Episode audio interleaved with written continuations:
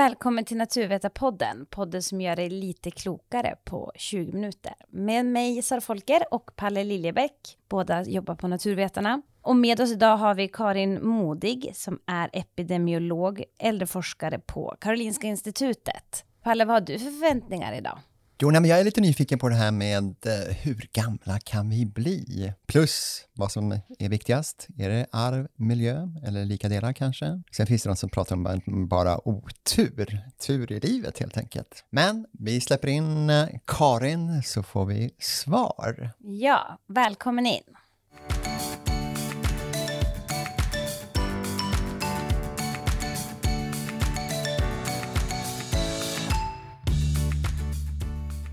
Under lång tid har vi ju eh, blivit äldre och äldre. Medellivslängden har ökat.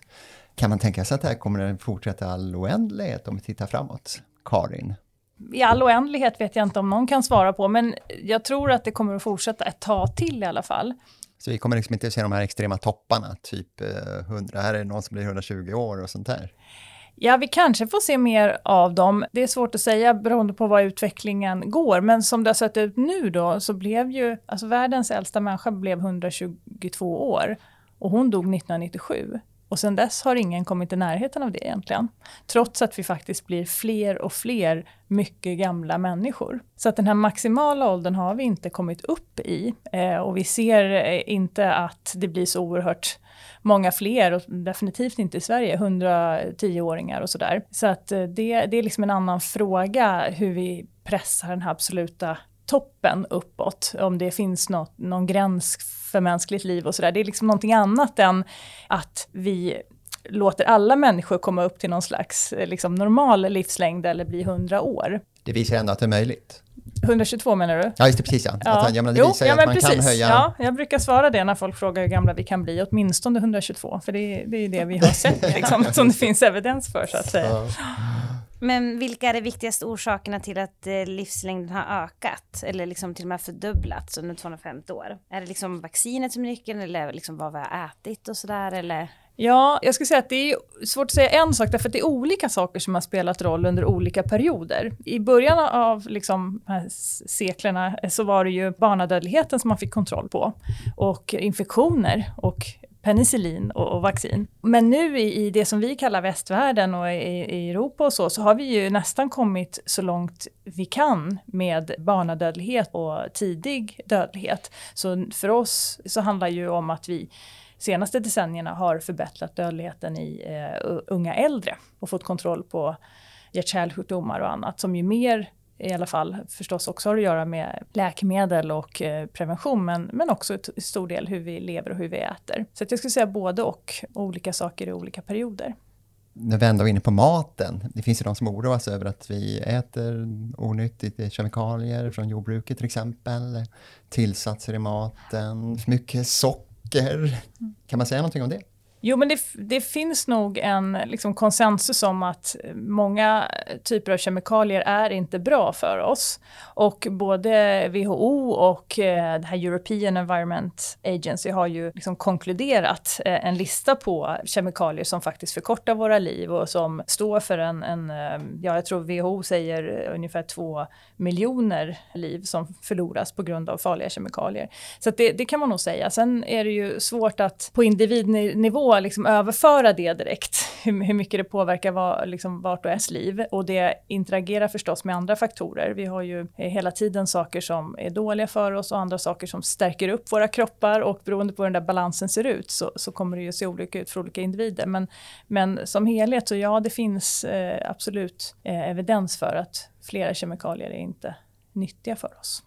Så just nu kan man säga att eh, den medicinska utvecklingen går snabbare så att säga i jämförelse med de risker då, som finns med kemikalier i samhället och andra risker? Ja, det är också en svår fråga, men eh, ja, kanske att man skulle kunna dra en sån tolkning. Samtidigt så jag menar, rökning är ju något som har minskat enormt mycket och som också för in en massa farliga kemikalier i kroppen och där har ju liksom minskningstakten gått väldigt fort. Så att det, det beror lite på vad vi talar om och det är även i industrin och så, så har man ju naturligtvis slutat med eh, en rad farliga kemikalier. Sen så tillkommer annat hela tiden som, vi, som är nytt och som vi inte vet någonting om. Men jag menar, det, det, tänk på asbest tidigare till exempel. Mm. Så, att, så att det är nog både och där. Eh, men man brukar säga att 50 är den nya 40 för dagens medelålder. Så ligger det någon sanning i det? Ja, det tycker jag att det gör. Nu handlar ju min forskning egentligen så från 60 plus. men om man säger att liksom 70 är det nya 60, så ja, absolut. Och det är för att vi ser liksom väldigt stora förbättringar i hälsa och livsstil bland det som jag kallar unga äldre då, 60 till 80 eller så, så ser vi jättestora förbättringar. Mm. Man har liksom skjutit upp, både skjutit upp tidpunkten för när man drabbas av olika åldersrelaterade sjukdomar. Och man har också minskat många av dem helt enkelt. Men sen håller liksom inte det här talesättet hela vägen upp till 100. Så det, det, är en avtagande liksom förbättringseffekt om vi tittar på de som är riktigt gamla. Där är hälsan ungefär den samma idag som för 40 år sedan. Men om vi talar om det här unga äldre så absolut är det så. Eh, och eh, orsak till det, tror du, är det sunda livsstilen som kan påverka de här sakerna? Eller? Ja, för att nu om vi pratar om det här ålderssegmentet och de här senaste liksom, 40-50 åren så är det ju mycket livsstilsfaktorer, absolut. Vi äter mycket mer frukt och grönsaker idag, vi röker i mindre utsträckning, vi rör på oss mer, vi har mycket mindre slitsamma jobb som helhet och så. Men det är också läkemedel i form av primärprevention, särskilt mot hjärt-kärlsjukdomar som jag tror spelar roll. Och det här är ju lite kopplat till det man brukar kalla för en biologisk ålder. Att den behöver inte vara samma som den faktiska åldern. Mm. Hur mycket kan det skilja däremellan kan man undra egentligen? Ja, alltså det är också en fråga vad man menar med, det finns liksom inte ett eller två begrepp på biologisk ålder utan det mäter man också på en rad olika sätt. Så att det beror så helt på vilket mått man har. Men det kan nog skilja många år skulle jag säga. Så att det är absolut så att en 70-årig person kan se ut som en 60-åring eller en 80-åring. Ja, det kan vara så stora skillnader. Ja, det, det, det tror jag nog. Men hur gammal kan vi teoretiskt bli om vi sköter korten rätt? Alltså om vi lever mer hälsosamt enligt konstens alla regler? Vad skulle du säga? Mm.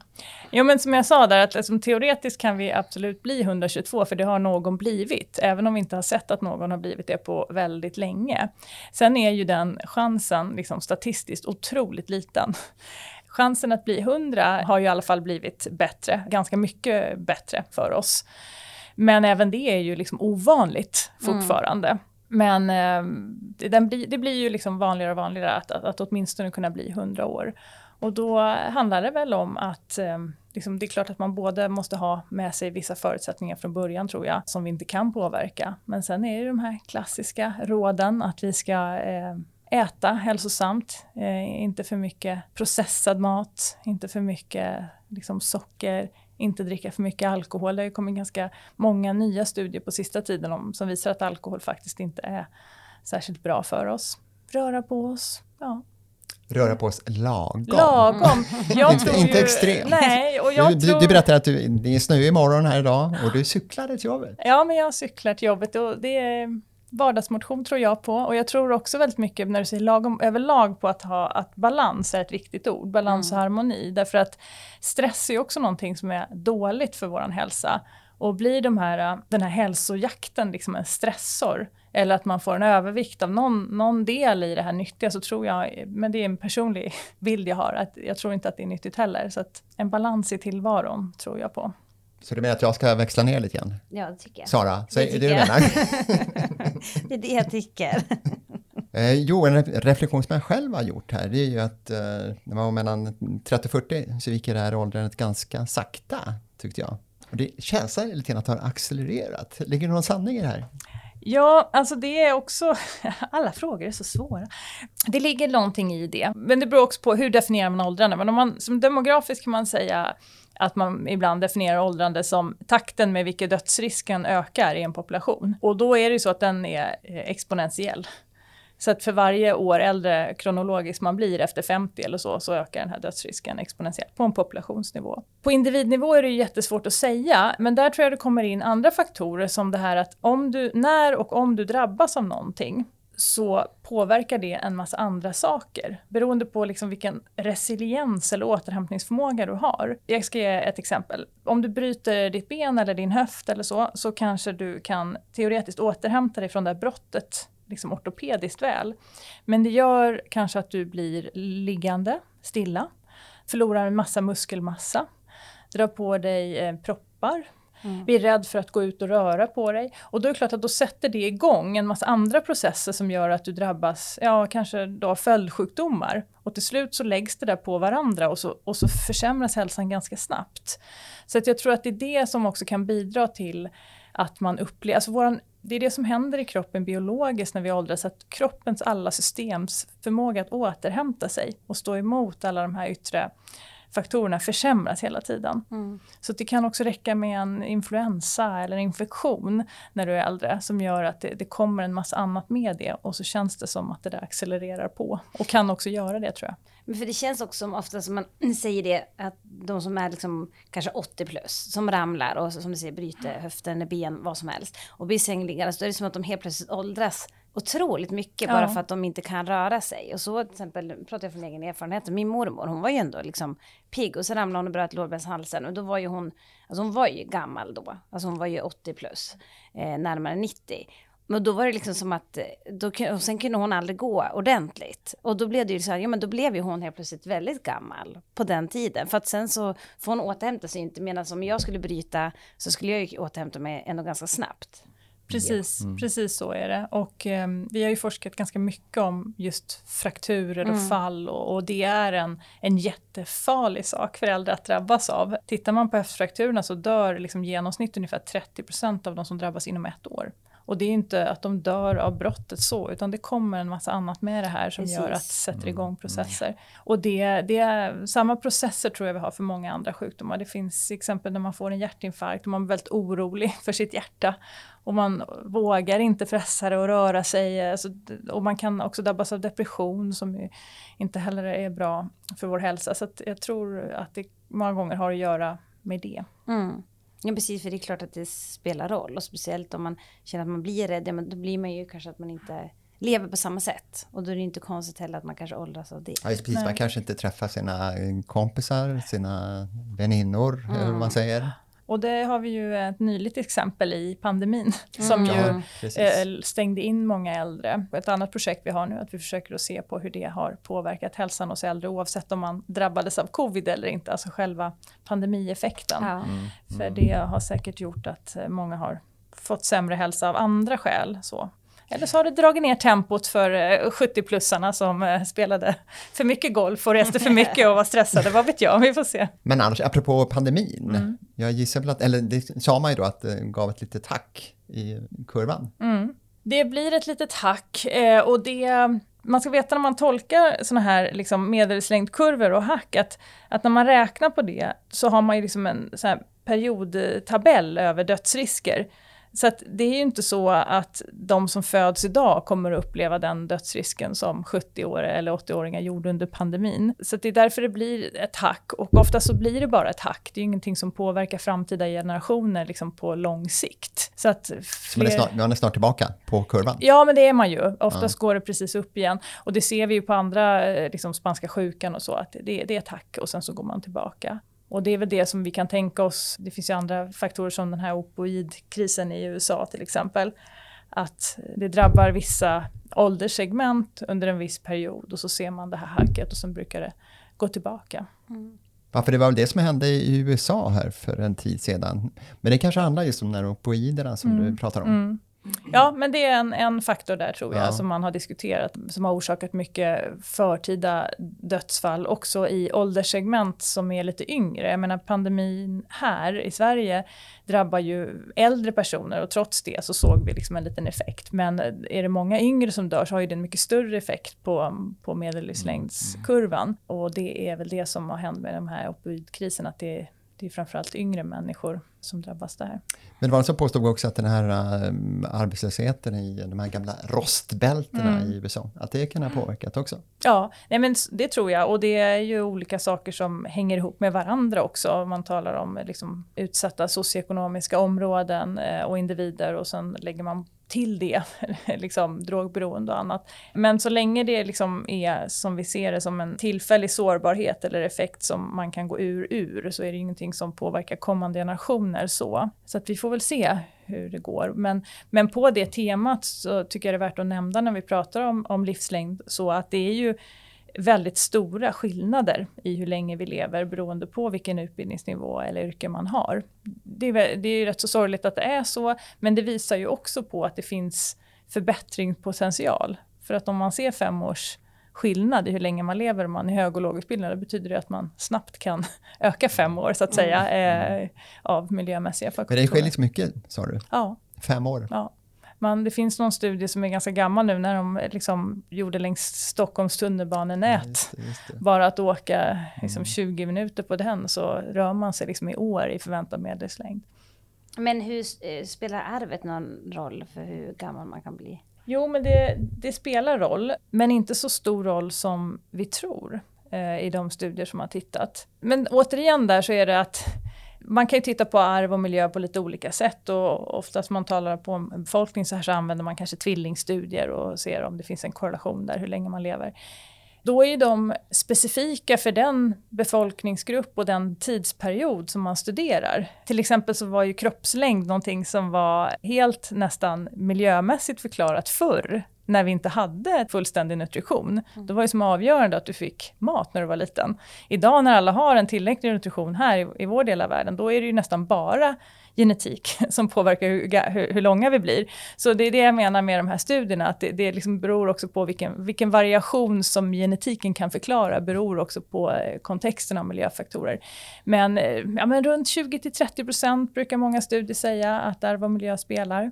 Sen eh, finns det ju en annan, andra typer av forskning på genetik och åldrande som handlar om att man, man försöker hitta specifika gener som som avgör hur gammal man blir. Och där är också väldigt svårt. Mig veteligen så har man liksom inte hittat en eller två gener som helt förklarar liksom hur gammal man, du blir. Man, just det, precis, man har liksom inte hittat den här åldersgenen. Nej, utan det är ett samspel på. mellan ja, många. Ja, det är det. det, är mm. det ja. Och det är det som jag... Eh, Men det, när du sa 20-30 procent, det är det arvet alltså? Ja, precis. Ja. I de tvillingstudier som man har gjort sådär. Mm. Um, Ja, men det låter ju ganska hoppfullt ändå. Mm. Att har man ju ganska stora möjligheter att påverka själv. Ja, då kanske det handlar om hur du ska bli liksom x antal år eller leva lite längre än medellivslängd. Skulle du titta på en population vad som avgör om du blir 100 eller om du blir 110, då tror jag vi talar om helt andra procentsatser. Så det, det beror också på vad du menar. Om du menar att nå upp till normal livslängd, nå lite längre eller nå de här exceptionella åldrarna. Och talar vi om att bli riktigt, riktigt gammal, då tror jag själv också att chans liksom tillfällighet spelar ganska stor roll. Slumpen faktiskt. Mm. Ja, det är så också. Ja, du menar att det liksom är ytterligare en eh, ja, del? Det, ja, det är ytterligare en del där. Jag tror det. Som vi inte kan förklara. Mm. Men nu, nu har vi faktiskt en studie där vi tittar på biomarkörer. Eh, ganska vanliga typer av biomarkörer som liksom glukos och kolesterol och lite andra värden. För de som blev 100 och de som inte blev 100. Så tittar vi bakåt i tiden när alla de här personerna var liksom 60, och 70 och 80 år. Så långt före man vet hur gammal man ska bli så att säga. Och då ser vi ändå en viss skillnad på deras biomarkörprofiler, de som blir gamla och de som inte blir det. Sen hur man ska tolka det där är ju lite olika, men det talar ju på sätt och vis lite mot chansen då. Om du kan observera en skillnad 40 år tidigare i dina biomarkörprofiler, om du blir 100 eller inte. Men kan är de här biomarkörprofilen, mm. är det beroende av arv eller miljö? Ja, det vet vi absolut inte i den här studien, för Nej. det har inte vi tittat på. Och det är klart att många av de här äh, markörerna är ju eh, livsstilsberoende, men säkerligen också i, i kombination med någon slags genetisk förutsättning. Så att jag skulle säga att det, det är både och. Och det handlar ju om, eh, förstås, om livskvalitet. Absolut. Så att jag menar att eh, bli 100 år kanske inte är något självändamål. Nej, jag måste säga att det var senast i morse lyssnade jag på något radioprogram där det var någon engelsman som ville bli nedfryst för att eventuellt kunna uppstå levande längre tid, i, eller i framtiden när vi hade uppfunnit metoder för detta.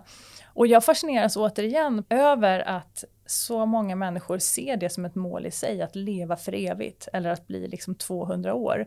Personligen gör jag inte det, men det beror kanske på de hundraåringar jag träffar som, som är lite mätta på livet, många av dem, och inte helt friska. Men, men det tycker jag är en väldigt intressant fråga, vad det är som gör att vissa vill leva för evigt. Mm. Vad är det man strävar efter i det? Vad är din, eh, säkerligen har du funderat på det, ja. eftersom det här är något som mm. du forskar kring. Ja. Hur gammal skulle du kunna tänka dig själv bli? Nej, men jag skulle kunna tänka mig att bli 100 men absolut inte mer än det tror jag. 100, sen får det räcka? Ja, Men naturligtvis så beror det ju på hur frisk eller hur rörlig och kapabel ja. man är. Även om ja. jag tror att även hur vi bedömer det ändras med ålder. Liksom vi har högre krav idag på vad mm. vi tänker att vi skulle vilja vara förmögna till när vi är 90 än vad vi har när vi är 90. så är man ja, ganska man är, ja, precis, men det märker man att man, liksom, man tvingas ju acceptera de brister som uppstår. Precis. Men jag tänker att det finns liksom en, en psykologisk dimension, i alla fall för mm. mig, att, att livet består av cykler. Och, och vid någon tidpunkt så är man liksom färdig. Eh, jag tycker det känns ganska skrämmande att den här sista cykeln skulle bara pågå för evigt, jag vet inte. Ja, tiden rinner iväg här nästan lite symboliskt. Vi har blivit eh, inte så jättemycket äldre på den här korta tiden.